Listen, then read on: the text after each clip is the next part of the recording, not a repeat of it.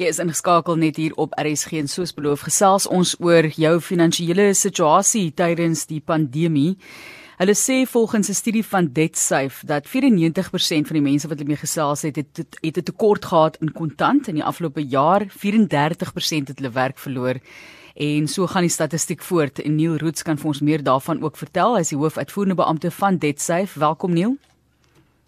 Baie dankie Martelies, net om reg te stel dis Debt Rescue nie Debt Safe nie. Goed, baie baie dankie vir daardie regstelling en kom ons gesels gou vinnig dan oor die feit dat jy besluit het om 'n studie te doen om navorsing te doen. Ek wil net gou weet op akademiese vlak, hoe help dit vir julle? Hoekom doen julle hierdie navorsing? Wel, Martelies, ons werk op 'n daaglikse basis met mense wat uh finansiëel deur baie baie moeilike tye gaan. En uh ja, ons het 'n groot toename gesien in mense wat uh aanklop by Debt Rescue vir hulp in hierdie verband, maar dit is belangrik dat ons wanneer ons uh, uh met ons kliënte handel weet uh uh wat in hulle huise aangaan, wat in hulle finansiële toestande aangaan en hoe hierdie pandemie ehm um, hulle almal geïmpakteer het. En dit is hoekom ons dit gedoen het om te kyk hoe is die die die die algemene publiek uh geraak deur deur hierdie pandemie want ons moet onthou uh selfs al is jy in 'n situasie waar jy jou werk behou het gedurende hierdie pandemie en waar jy nie 'n besuiding gehad het op jou salaris nie gaan dit nog steeds swaar met mense want jou jou gade het byvoorbeeld hul werk verloor of 'n salarisbesuiding gekry of familie en vriende so hierdie is 'n verskriklike moeilike tyd vir verbruikers en dit is hoekom ons wou weet presies hoe het hierdie pandemie finansiëel uh die mense geïmpakteer. So ek het bietjie van die hoofstatistiek of die eerste paar uitgewys, daai 94 is, is 'n baie baie groot hoeveelheid mense wat gesukkel het met daardie kontant vloei. Gee vir ons die statistiek wat jy gele verder gekry het en dan sal ons later kom by die wat dan nou wel aktief probeer om hulle skuld te verminder. Eerstens Neil. Wel die ander belangrike uh, uh, statistieke wat ons gekry het uh, en en wat relevant is hier is dat ons het gevra hoe die pandemie mense geaffekteer het en 34% van die deelnemers het gesê dat hulle al werk verloor het. 22% het gesê hulle is afgelê en 17% se salarisse is gesny. So hierdie is skrikwekkende syfers. Uh en dit is van almal wat deelgeneem het uh kan mens sien dat as jy hierdie bymekaar tel is dit meer van 50 meer as 50% van mense wat finansiëel uh negatief geïmpakteer is deur hierdie pandemie. Jy sê dan nou wel, goed, mense, niemand wil in skuld leef nie, nee. Ek meen Neil, dit is 'n aaklige gevoel om skuld te hê. Dis 'n aaklige gevoel wanneer jy sit met skuld en jy kan nie daai skuld betaal nie. Jy begin later aan kredietkaarte gebruik. Ons ken daai ou storie wat mense skuld maak om skuld te betaal. So mense wil wel hulle vlak van skuld verminder. Ja, ek moet sê dat uh wat wat ook gebeur het in hierdie situasie en en wat na vore gekom het is dat mense bietjie meer fokus op hulle eie finansies en en kyk wat gaan aan en kyk wat kan hulle bekostig en wat kan hulle nie bekostig nie.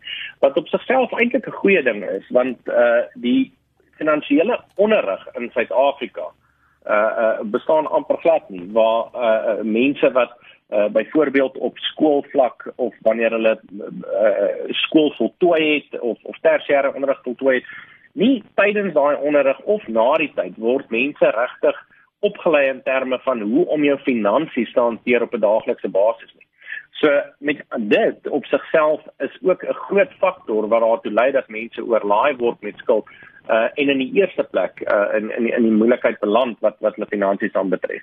So wat die voordeel van van wat ons hier uitgesien het is dat mense meer op hulle eie finansies fokus. Nou ja, ons het daar ook uh uh, uh statistieke gekry en dit is dat uh 44% van die mense en deelnemers het gesê dat hulle is meer bewus van wat hulle spandeer op 'n op 'n daaglikse basis en dan ook 29% van die mense het uh, kennis gegee dat hulle probeer om ons skuld te verminder. So daar's 'n redelike verandering in gedrag Neil wat na vore gekom het dan um, is daar gesprekke nou in families word geld sake nou op die tafel geplaas waar mense maar nou net um, jy weet voortgestrompel het wil ek amper sê. Ja Johan verseker, uh so die studie het ook dan nou bevind dat 83% ehm um, van die mense wat nou by verre die meerderheid is, het, het gesprekke met hul gesinne rondom hul finansies en dan 61% het al regtig begin werk aan 'n finansiële plan om hul posisie te verbeter.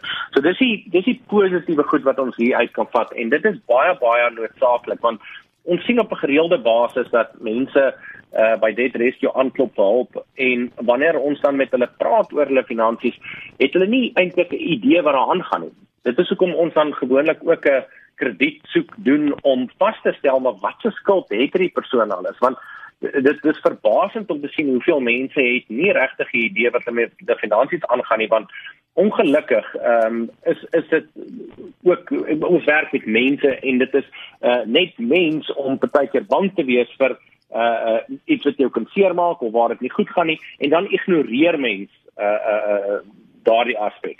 En en en in in daardie opsig is dit baie goed dat mense begin konsentreer op wat met hulle finansies aangaan. Is daar mense wat nie rehabiliteerbaar is nie, wat maar amper ek wil amper sê soos gewoonte misdadigers, hulle leef van die een skuldsituasie na die volgende? Ja, ja, daar's verseker mense wat uh, moeilik is om te rehabiliteer, maar vir verskeie redes. Die, die die eerste en grootste rede en die hartseer rede in hierdie tyd wat ons nou beleef is mense wat nie 'n inkomste meer het nie. Want as jy sit met skuld en jy het nie 'n inkomste meer nie, is dit is dit moeilik om mee te handel want uh, wat doen 'n mens dan? Skuldberading gaan nie noodwendig help vir daardie persoon nie. Ja, mens kan 'n uh, 'n uh, uh, vrywillige sekwestrasie doen en dit is verseker 'n oplossing vir baie mense wat hul werk verloor het en inkomste verloor het en met groot skuld sit.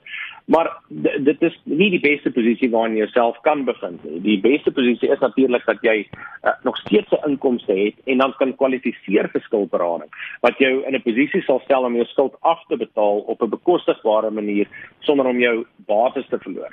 Nou ja, ons het ongelukkig ook soos jy nou na verwys het, ehm um, kom ons noem dit die gewoonte misdadigers mense wat in daai gewoonte net is om te leef van skuld en en dit net nie op enige ander manier kan kan doen nie. Ehm um, en wat sodra hy 'n uh, uh, uh, skuld aangegaan het by hierdie plek gaan hy weer skuld aan uh, by 'n ander instansie om die eerste skuld af te betaal en so uh, hou dit net aan en om daai mense uiteindelik te oortuig dat jy moet die enigste manier hoe ons jou regtig uit hierdie skuldgat uit kan kry is om die verantwoordelike ding te doen en op te hou skuld aangaan en die regte ding te doen en 'n onder skuldberading te gaan sodat daar vir jou 'n plan uitgewerk word in terme waarvan jy jou skuldeisers gaan terugbetaal op 'n bekostigbare manier natuurlik en dan ook 'n verantwoordelike manier en en sodoende skuldvry te raak. Hier is baie mense wat spog dat hulle geen skuld het nie, jy weet en um, ja, soos ek amper sê spoggerig is daaroor, maar ehm um, dit is 'n baie moeilike manier om te lewe. As ek dink net, ek dink nou aan 'n gemiddelde gesin wat uh, 'n uh, huishouding het wat dalk 'n motor het as hulle gelukkig is om dit te hê. Mens kan dit nie van 0 rand af koop nie. Uh so jy jy kan ook nie 30 jaar wag om 'n motor te kry om werk toe te kan ry as jy nou nie openbare vervoer byvoorbeeld in jou omgewing het nie. So daarom gaan jy kyk wat jy inkry en wat jy kan spandeer en partykeer is daar die skuldkomponent, 'n berekende skuldkomponent wat bykom. Maar wanneer mag jy toetree tot hierdie amper wil ek sê skuldberading of ehm um, hierdie reddingspoging wat jy dan kry wanneer jy met julle konsulteer of daaroor gesels. Want ehm um, jy weet mense betaal mos nou 20 jaar af van 'n huis of 30 jaar party 15 jaar. Dit is skuld maar hulle is nog nie in die skuld nie. Dit is iets wat jy in belê. So vertel vir ons wanneer is die gevaarligste daar? Wanneer moet mense aanklop vir skuld hulp Wel ja, ons ons verwys daarna deur ehm um, sê iemand wat oorbelas is, uh kan kan aansoek doen vir skuldberading. En wat ons daarmee bedoel is dat soos jy heeltemal reg gesê dat baie mense het skuld en en skuld is 'n 'n uh, 'n noodwendigheid in in meeste mense se lewens. Ehm um, en soos heeltemal reg sê, daar's byvoorbeeld studies wat afbetaal moet word, ehm um, 'n motorspaaiement moet betaal word en dit is dis verantwoordelike skuld. Ehm um, maar wanneer 'n mens dan nou oorbelas is, met ander woorde, jou jy jy kom agter dat jy jou inkomste wat jy het 'n maand is nie meer genoeg om al jou skuldpaaiemente of kredietpaaiemente te betaal en nog genoeg geld het om al vir al jou lewensuitgawes te betaal. Met ander woorde jou huur, jou water, jou ligte, jou uh of, of jou jou versekerings, skoolgeld ensovoorts. Indien jy sien dat jy nie kan uitkom nie, selfs net 1 maand, moet jy so gou as moontlik aanklop by 'n skuldberader want dan gaan jy eerstens kwalifiseer vir die proses van skuldberading. Maar ook tweedens is dit dan makliker om jou op 'n plek te kry waar jy dan nou skuldvry raak op die einde van die dag. Met ander woorde, hoe vroeër jy aanklop vir hulp, hoe meer is daar uh, wat mens vir jou kan doen en hoe vinniger gaan jy die verligting voel.